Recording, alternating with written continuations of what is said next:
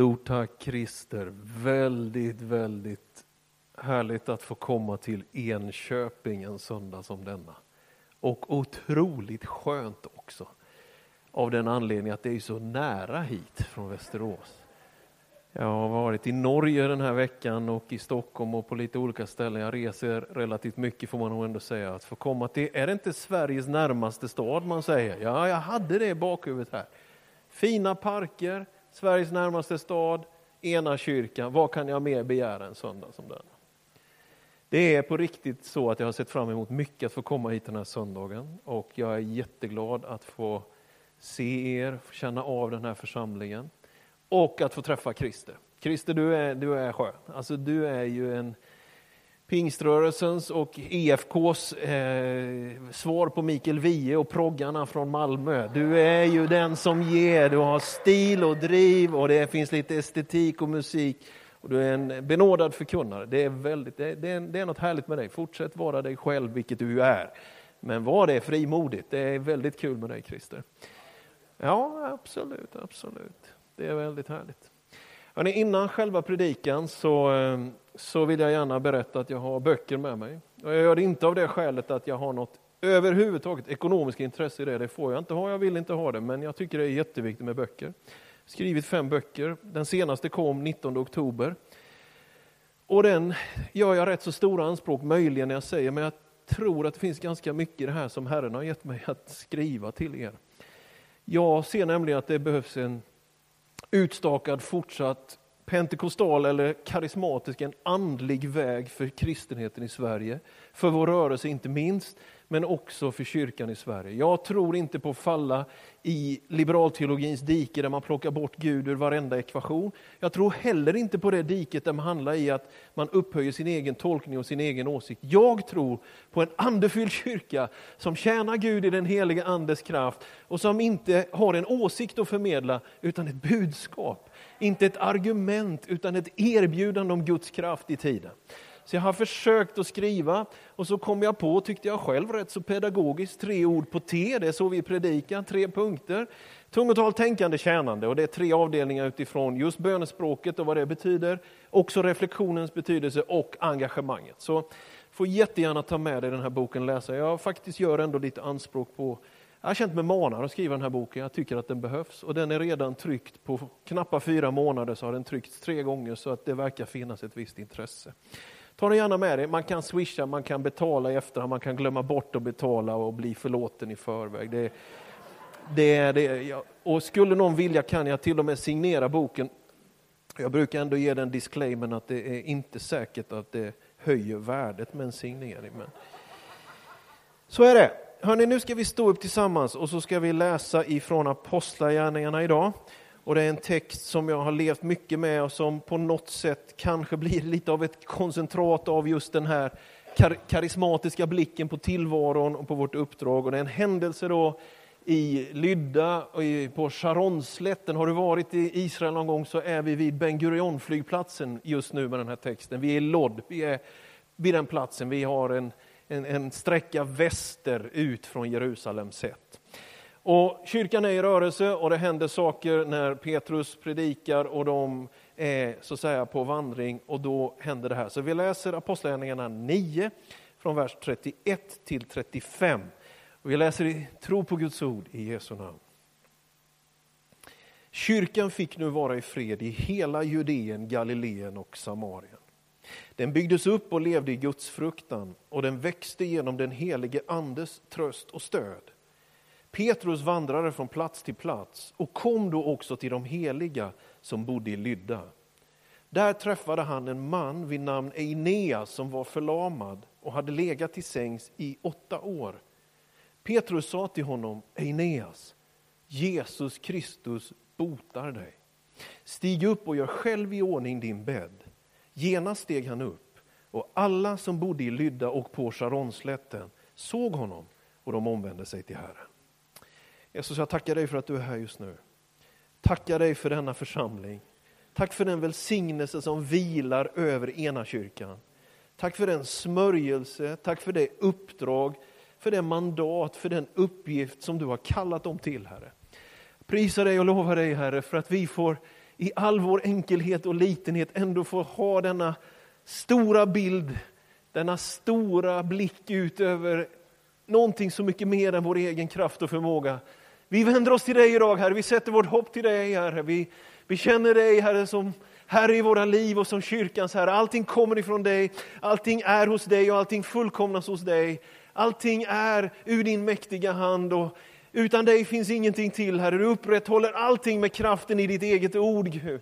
Tackar dig för att du är här just nu och jag ber att du fortsätter att verka i och genom oss till nytta för så många fler än de som är i den här kyrkan. Vi tackar dig för hela Enköping idag, Herre. Vi tackar dig för den här kommunen. Vi tackar dig för Västmanland och för Uppland. Vi tackar dig för Sverige. Vi tackar dig för vår värld, Herre. Att du använder inte perfekta människor, men villiga människor. Du använder människor som står till förfogande. Och tack att vi får vara en Petrus eller en Eneas här idag. Till nytta för det du vill, för många, många människor som ännu inte är här. Be så i Jesu namn. Amen. Amen. Varsågod och sitt ner.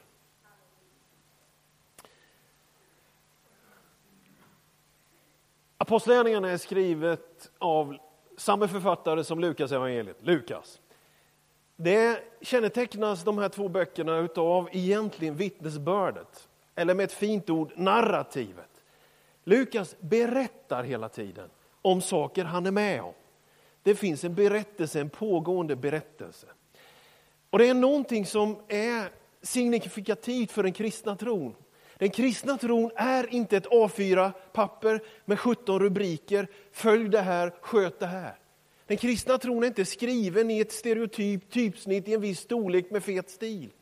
Den kristna tron är inte i första rummet ens en lära, utan den är ett liv i Gud genom Jesus Kristus, som får sin lära. Och läran är jätteviktig. Den är inte alls oviktig, men det är inte så att det är den mänskliga kunskapen eller de mänskliga känslorna som definierar vad det är att vara kristen i första hand. Men det kommunicerar med den du är. Du behöver inte vara någon annan. Du kan vara väldigt mycket dig själv. Men kristen tro kommer inte ur en pastors vision, en församlingsverksamhet. Utan den kommer från höjden. Den kommer från Gud.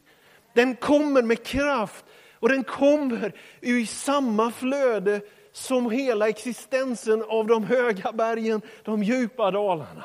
Så som fåglarna flyger, som fiskarna simrar, så existerar också tron och kyrkans miljö i ett större rum som är givet av allsmäktig Gud. Så därför är tron som man bär och kan berätta om, kyrkans gemenskap i all sin tafflighet ibland med fel och brister och allt som inte är exakt vad vi kanske gillar kulturellt heller, så är det ändå otroligt starkt. Det är någonting annat, det är en annan substans. Man kan till och med göra så stora anspråk som man kan säga, så länge Gud lever kommer kyrkan leva. Och om jag uppfattat det hela så är han av evighet. Han sitter orubbad på sin tron. Inga hormonsvängningar, inga konjunkturskiften, Inget upp och ner och in och ut. Gud är densamme och han regerar i härlighet på sin tro. Så det är någonting med det här som händer i just berättelsen som jag vill gärna lyfta fram och säga till dig, det kan också bli din berättelse. Det kan vara din berättelse om ditt liv. Och det som händer här då vi ska gå in i den här texten, det är att när jag läste den här och förberedde den här predikan så att säga, som jag håller i våra olika kyrkor, för den har ett tonläge som jag tror är viktigt för vår rörelse. När jag läste den här så tänkte jag, Lukas var nog lite seg den här morgonen när han skrev den här texten. Han tyckte nog det var lite smidigt att kontroll C, kontroll V. Alltså kopiera från evangeliet och klistra in i apostlagärningarna, lite smidigt, för det står nämligen så här, han gick omkring från by till by och predikade evangeliet. Var har man läst det någonstans? Ja, men det har man läst om. Jesus gick från by till by och predikade. Och här står det helt plötsligt, Petrus gick omkring från by till by och predikade. Smidig kopia, han behöver inte jobba ihjäl sig med texterna just den här dagen. Ja, om det nu är så, jag vet inte. Men det kan också vara så här, att det Petrus uttrycker är den kyrka jag ser framför mig. Det är en kyrka som inte talar bara om honom, utan talar som honom.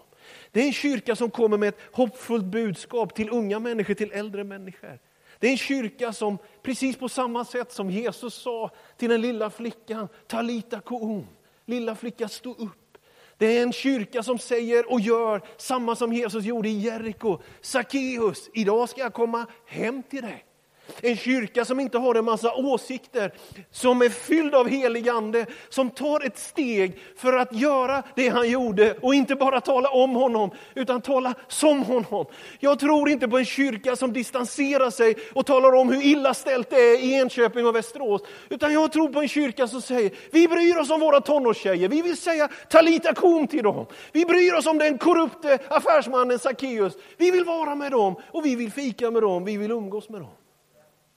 En kyrka som teoretiserar, en kyrka som distanserar, en kyrka som kan och vet allt utan att förmedla liv, tror inte jag på. Jag tror på en kyrka som är i steget. Petrus vandrade från by till by. En kyrka som berättar och en kyrka som rör sig. Där har du min predikan. Vill du använda lite kyrkiska teologiska uttryck så talar man om imminens. Man talar om att någonting är bråttom. Man talar om att någonting hastar. Det finns någonting med Guds närvaron genom den helige Ande som sätter kyrkan i rörelse, i steget. Nu är ju ni så urbana och unga och moderna och ni lever också i denna stora del av Mälardalen så kanske en del av er inte knappt minns vad en spark är. Vet ni vad en spark är på det här stället? Vi har ju ingen snö heller. Men min djupa vetenskapliga kunskap att förmedla till er när det gäller sparkstöttingar och att åka spark här idag. Det är det att det ben man blir trött i eller på, det är det man står still med. Så måste man byta ibland och börja sparka med den andra foten. Vet du, det finns någonting av ett steg att vara i tjänst för Gud. Vet, jag tror inte på en kyrka, egentligen är jag rädd för mikrofonen och estraden. Jag gillar egentligen inte den sättningen, fast vi har det också, och det är så överallt. Men om vi har en bild av att här framme tjänar man Gud och där tittar man på, så utstrålar vi en felaktig kultur. För vi tror på helig ande över varje person i kyrkan. Vi tror att det är en plats för utrustning, för sändning. Du kan höra Guds röst, du kan vara fylld av Guds ande. Du har något att berätta, du har ett steg att ta. Du kan vara med om att förmedla goda nyheter till människor. Talita koum! Sackeus, jag kommer hem till dig. Petrus vandrare från by till by. Och du vet den moderna pingstväckelsen, jag är ju, jag får ju erkänna det. Alltså jag är subjektiv, jag är allt annat än objektiv när det gäller pingstväckelsen. Jag bara ger den varudeklaration. Jag älskar pingstväckelsen. Nu pratar jag inte om pingst FFS, jag pratar om pingstandligheten, andens dop. Jag älskar den här rörelsen. Jag tycker det är helt fantastiskt. Att man kan bli fylld med helig ande i nuet och tjäna Gud och höra Guds röst och att det har kommit ut i en sån fantastiskt fin frukt. Över 500 miljoner människor i den här världen tillhör vår rörelse. Det ser lite olika ut, det låter lite olika, men det är faktiskt samma kod som pågår där. Kraft av den helige Ande för att göra någonting för en annan människa. Vår rörelse föds på Azusa Street, 312 Azusa Street, Los Angeles. Om du kommer dit idag så är det liksom inte ett stort monument, inte ett tempel. Det står inte en gospelkör och vaggar där från vänster till höger. Det finns, inget, det finns en skylt på en lyktstolpe som säger här föddes, här började det, den internationella pingstväckelsen. Den har spritt sig, den räknas som 1900-talets stora företeelse tillsammans med islam. Man brukar tala om när man forskar på liksom antropologi och, folkrörelseutveckling och sådana här frågor, så brukar man säga att det är islam och pingstväckelsen som förändrade 1900-talet. Kommer du till Sydamerika, kommer du till Afrika, till Asien, så finns det en rörelse, en kraftfullhet och till och med vi här i kalla Europa och Norden har fått en skvätt av den här kraften. Alltså det är någonting som har hänt, som har gett hopp till den som har saknat hopp. Det kallas en religion, a religion made to travel. Det är någonting med steget. Vi satte upp en lyktstolpe, det är någonting, vi är mycket mer tabernakel än tempel. Vi är mycket mer rörelse än institution. Vi är faktiskt någonting utav ett folk på väg. Pingstandligheten gör oss inte till förnäma förståsigpåare. Vi blir kyrkans arbetarrörelse som vill göra något för en annan människa. Vi blir fyllda av någonting för att bry oss om en förlamad Eneas i Lydda. Det jag ser här med Petrus önskar jag för vår rörelse, för våra 440 församlingar. Att vi är på väg utåt, att vi är i rörelse för att bry oss om en annan människa. Inte för att bli populära, inte för att få likes, utan för att vi har mött någonting som tickar på på ett sätt som gör, vi kan inte sitta still. Vi måste göra någonting. Så jag påstår, älskade vän, att vår trygghet finns, vår säkerhet finns i sändningen. Vår vila finns i visionen. Våra arbetare finns i skörden. Den kyrka som leds av människor som bara vill säkra och samla kommer att förtvinas. Men den kyrka som leds av människor fyllda av Guds rikes tanke, nämligen sändande, utgivande, generositet. Det är en baklänges ekonomi, men det är så det fungerar. Att när man bryter brödet och delar det, så kan fem bröd och två fiskar räcka till tusentals människor. När man sänder någonting och tänker, hur ska det gå för oss? Ja, lita på Gud! Så fyller det på i det som händer och sker. Låt mig ta ett exempel från Västerås som är bara en månad gammalt. Och alltid när man berättar om någonting från sin egen församling så finns en risk att det ja, låter skrytigt. Sådär. Jag skulle kunna berätta bra om, jag skulle kunna skicka ett helt Excel-ark med problem i Pingstkyrkan i Västerås. Jag väljer att inte göra det här nu. Men vi fick ett mejl till församlingsledningen i mitten av december från två av våra medlemmar. Den ene skriver vi har uppfattat att det har ökat lavinartat med uteliggare i Västerås. Och han skriver, vi undrar om inte församlingen kan göra någonting. Och tyvärr så får jag erkänna att det är många gånger man också tvingas att bara säga nej, eller vi kan inte, vi känner inte, vi har möjlighet. Och så är det ibland, det är inte så lätt att vara ledare alltid. När vi fick det här mejlet så stod det längst ner i en av dem, så skriver han, jag har en madrass som jag kan låna ut till kyrkan. Och jag tänkte för mig, ja du, om det hade räckt med en madrass för att fixa ett härbärge, så jag blev nästan lite sådär, jag är ju 70-talist, vi tillhör ju den ironiska generationen, jag satt nästan och log lite för mig själv. Ja, det är nog säkert, det var ju schysst att du vill låna ut din madrass, men hur ska jag fixa det här?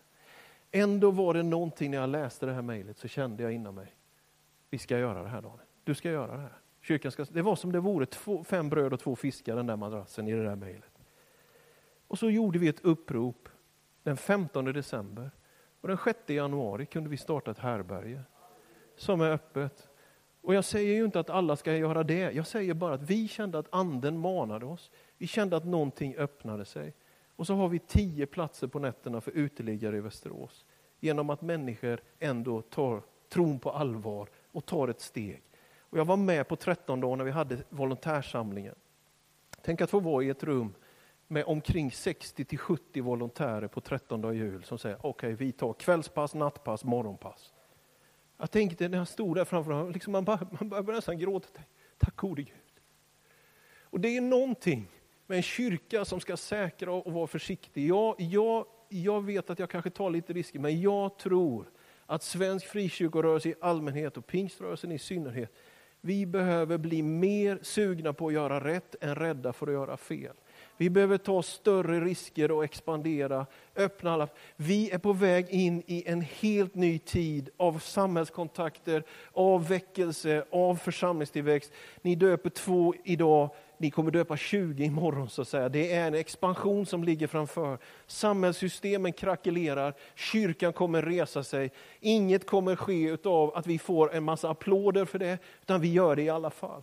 Den som öppnar sitt hjärta, den som öppnar sin hand kommer också att märka att det strömmar igenom helig andes kraft till nytta för en hel värld. Petrus vandrade från plats till plats och kom också då till de heliga som bodde i Lydda. Så narrativet, berättelsen, andeuppfyllelsen och steget Okej, okay, det var där vi började. Så kommer han till de heliga. Jag älskar den formuleringen. Bara en gång i Nya Testamentet står det om helig i singular och handlar om en människa. Johannes döparen står det en gång. Han var väl ett unikum då. Alla andra gånger är det plural.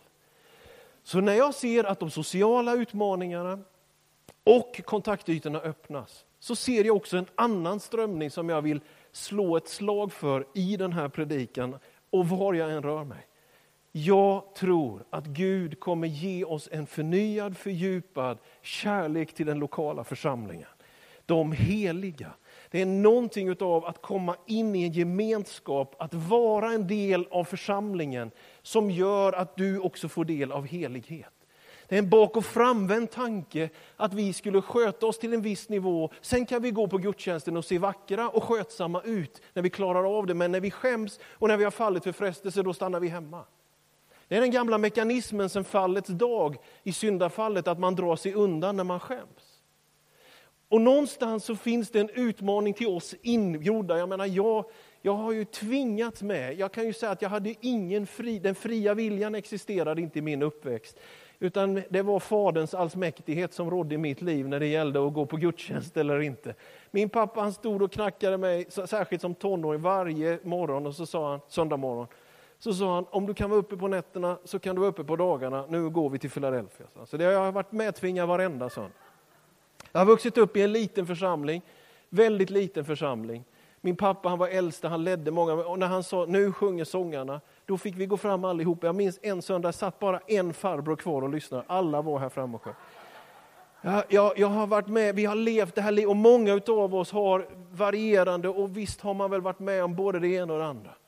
Men jag menar att i den lilla byn Björkeby, med nästan mer kossor än människor, i den lilla församlingen Philadelphia, med sin inkrökta och lilla världsbild, om du vill vara raljant och snacka ner frikyrkan, så kan du hitta fel och du kan hitta mycket säkert. Men vet du, jag upptäckte något stort i den uppväxten. Där fick jag höra om jag fick höra om Kigali i Rwanda, jag fick höra om Zaporozhye i Sovjetunionen. Jag fick förstå om väckelsen i Brasilien. Vi var ju den stora världen i det lilla Björkeby. Det var ju i min miljö man fick höra om himmelen, om evigheten, om nåd, om trofasthet. Ja, jag växte upp i något litet, men ja, jag växte upp i något stort. Ja, det är en ena kyrkan, ja, det är en frikyrka i Sverige, men det är något stort som du får vara med i. Petrus kom till de heliga i Lydda. Vi, vi har en, en strömning som jag bara är så otroligt emot. När folk med sociala medier, med den här rörelsen som är, så finns det någon slags väktare på muren mentalitet som innebär att man ska dra sig undan för församlingen är inte brinnande nog, den är inte bra nog, den är inte helig nog och inte är pastorn riktigt bra heller tillräckligt. Inte här, men i Västerås. Och så sätter jag mig vid sidan och så börjar jag skriva lite kommentarer om hur det borde vara. Vet du, jag tror att det är en sån snubbeltråd och en sån falskhet och ett sånt högmod i detta. Jag tror att vi tillsammans med de heliga förmår att uppfatta bredden, höjden, längden och djupet av det som är Guds kärlek. Vi heliggörs inte på egen hand.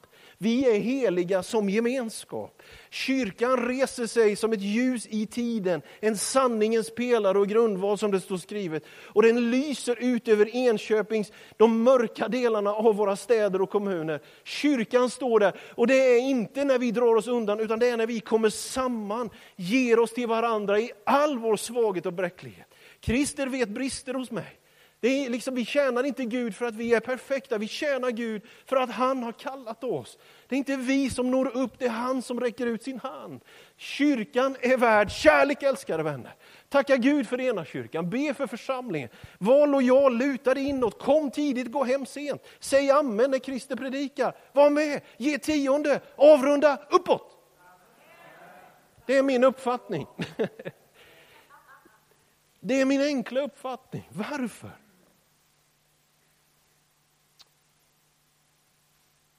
Relationerna brister. Många familjer kämpar oerhört för att få ihop vardagen. Vi har ett politiskt klimat som är allt mer kompasslöst får man ändå säga. Var finns tyngden? Var finns förankringen?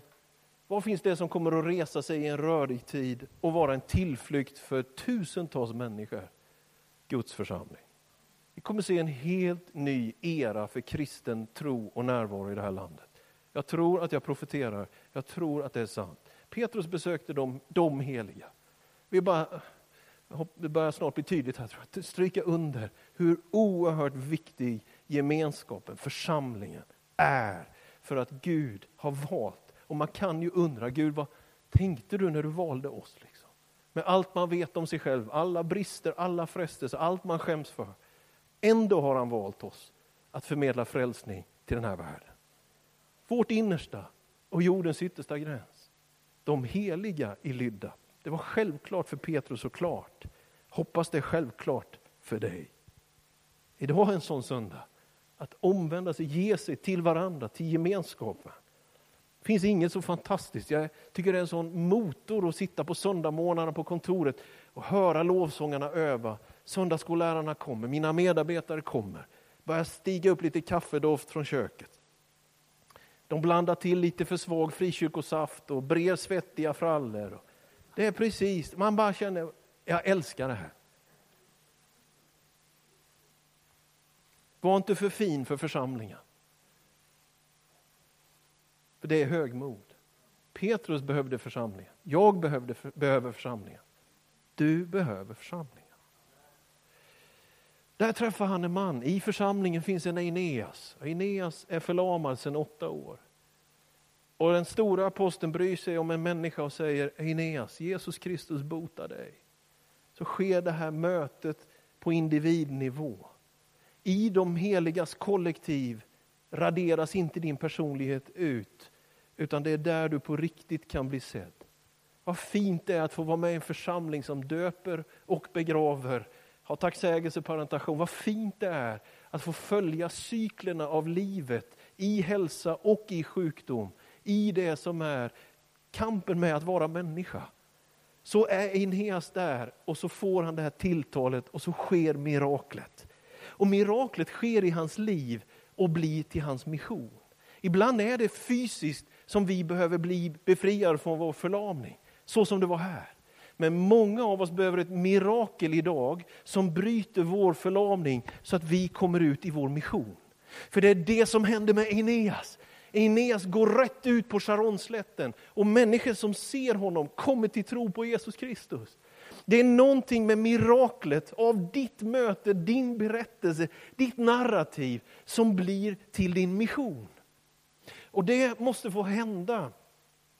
Det finns så mycket som förlamar. Det kan vara fysiskt som det är i det här fallet och Gud kan röra vid en sjuk kropp. Men jag tänker ju att vi har så mycket förlamning, vi har så oerhört mycket bristande självkänsla. Vi har så mycket av en skamkultur. Vi har så mycket som håller oss tillbaka av besvikelser, av dåliga erfarenheter. Det finns så mycket som pressar så många, och jag tror även i det här rummet, och som pressar även mig. Men jag har den goda nyheten till dig, till mig själv, till oss den här söndagen. Att samma helig ande som heliggör kyrkan heliggör dig. Samma helig ande som målar bilden av Jesus är din hjälpare, är din närmaste försvarsadvokat, är din bästa förebedjare, tar sig till det innersta. Det finns inget som du behöver skämmas för. Han når ditt innersta och sänder dig till jordens yttersta gräns. Det finns så mycket av förlamning som behöver brytas på grund av dåligt självförtroende, kanske knepiga relationer, en problematisk ekonomi. Det finns så mycket som håller tillbaka. Men vid det här tillfället bryts förlamningen över hans liv. Vet du, vi lever i en era och en fas som en psykoanalytiker heter Christopher Bollas. Han benämner den västliga kulturen, faktiskt innan den digitala revolutionen, med ordet normopati.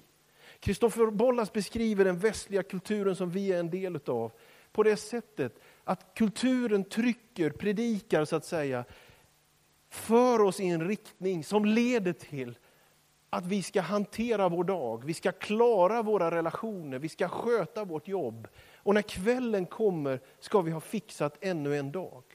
Kristoffer Bollas menar att den utveckling vi har och är på väg in i och som ju har enormt mycket förstärkts med den digitala revolutionen pressar människan in i ett ekorrhjul där inget får sticka ut och vi hamnar i någon slags press av att bara hantera vår dag. Vi klarade det, ingen ska kunna angripa det. Det här gör att den europeiska folksjälen är tom i blicken. Man kallar Europa för det förlorade hoppets kontinent. Det här gör att den psykiska ohälsan breder ut sig. Vi har normer och mallar, ibland uttalade, ofta outtalade. Det är ett kulturellt tryck på utseende utseende, på relationer, på pengar. Det pressar så att man tror att äktenskapet, att ens respektive ska vara som Gud själv. Många äktenskap sliter för att man har orimliga förväntningar på sin respektive. Bara Gud kan ge, men det ska vi kräva av andra människor. Vad jag försöker säga är att den era av sekularism, den era av individualism, den era av kulturen vi är en del av med väldigt mycket rationella och sekulära värderingar har tryckt vårt folk in i ett läge som gör att när kvällen kommer så är vårt folk ensamma och trötta. Så är vårt folk många gånger välutbildade och med pengar på fickan men utan driv och vision i livet. Och jag vet att jag talar inte bara om dem, jag talar också om oss. Jag vet att det pressar in också i församlingen.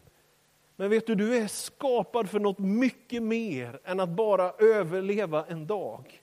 Du är skapad med något mycket vackrare än att bara leva i det ekorrhjulet som pressar dig till någonting du ändå aldrig kommer att uppnå. Det blir ett Sisyfos-arbete, ni vet Sisyfos som puttar en sten upp till krönet bara för att den ramlar ner. Ett evighetsarbete, han kom aldrig liksom över krönet. Det är sekularismens frukt i människosjälen. Och jag tror att det behöver finnas en Petrus, det behöver finnas en kyrka som reser sig i den eran av sekularism och trötthet och håglöshet och visionsfattigdom och säger Eneas, Jesus Kristus bota dig. Tänk när kyrkan får vara med och se människor bli befriade från förlamning. Och jag tror att den tiden behöver få komma nu. Genast steg han upp. Och han fick själv göra i ordning sin bädd. Jag gillar ju den synergin. Jag tycker det är så skönt. Alltså Gud kommer inte... Min erfarenhet av, av min vandring med Gud, jag är 48 år. Och min erfarenhet av min vandring med Gud är att han har aldrig, han har liksom aldrig tagit på mig strumporna. Och han har liksom inte bytt blöjorna på våra barn när de var små. Det har vi fått göra alldeles själva. Jag vet inte om ni har andra erfarenheter, kraftigare uppenbarelser, men jag har inte sådana upplevelser. Och det här är någonting som man kan vrida och vända på. Men du vet, ibland blir en del karismatiska kristna, man blir fatalister. Man ska inte göra någonting själv, Gud ska göra det. Det betyder att man ska vara bara lat och väntande. Jag tror att jag ser något annat i hela apostlagärningarna. Miraklet sker, men det passiviserar inte. Miraklet aktiverar. Eneas, nu har Gud rört vid dig. Du, du får bädda din säng. Med allt Gud gör finns ett löfte, men det finns också ett, en utmaning. Ett steg att ta, en säng att bädda, en början att ge sig in i. Så ser människor honom och de omvände sig till Herren. Alltså den här berättelsen, den här vittnesbördet om vad Gud gjorde där i Lydda är för mig en bild av den dröm jag ser framför för våra församlingar. Jag tror på karismatik och diakoni. Jag tror på helig andes eld över oss som gör att vi inte blir kaxiga och högmodiga och tycker i första hand utan en kyrka som sänder och ger och tjänar och förmedlar Jesus med ord och handlingar på ett sätt som förvandlar hela sin omgivning. Där fanns ett steg i Petrus till de heliga. Där fanns en Eneas som fick sin förlamning bruten och en hel bygd som lärde känna Jesus Kristus. Må det ske 2020 och de kommande tio åren. Det är fullt möjligt i den helige Andes kraft. Amen. Ska du komma Aron med ditt band här och vi står upp tillsammans över hela kyrkan så ska vi ha en stund av bön och överlåtelse och Herren är här för att också göra någonting i stunden som kan bli till nytta både för dig själv och andra. Jesus, jag tackar dig. Tackar dig för att du är här just nu, Herre. Vi älskar din närvaro. Vi älskar den i ensamheten, men också när vi kommer samman. Tack Jesus för att vi får stå på helig mark, Herre. Tack för den välsignelse som vilar över den här församlingen. Tack för din, din kyrka, tack för din församling, tack för de heliga här i Enköping. Tackar dig för den här söndagen. En vanlig söndag, men att den ändå kan få vara en, en annorlunda söndag. En söndag när du utmanar oss att ta våra steg som Petrus. En söndag när du bryter vår förlamning som hos Ineas.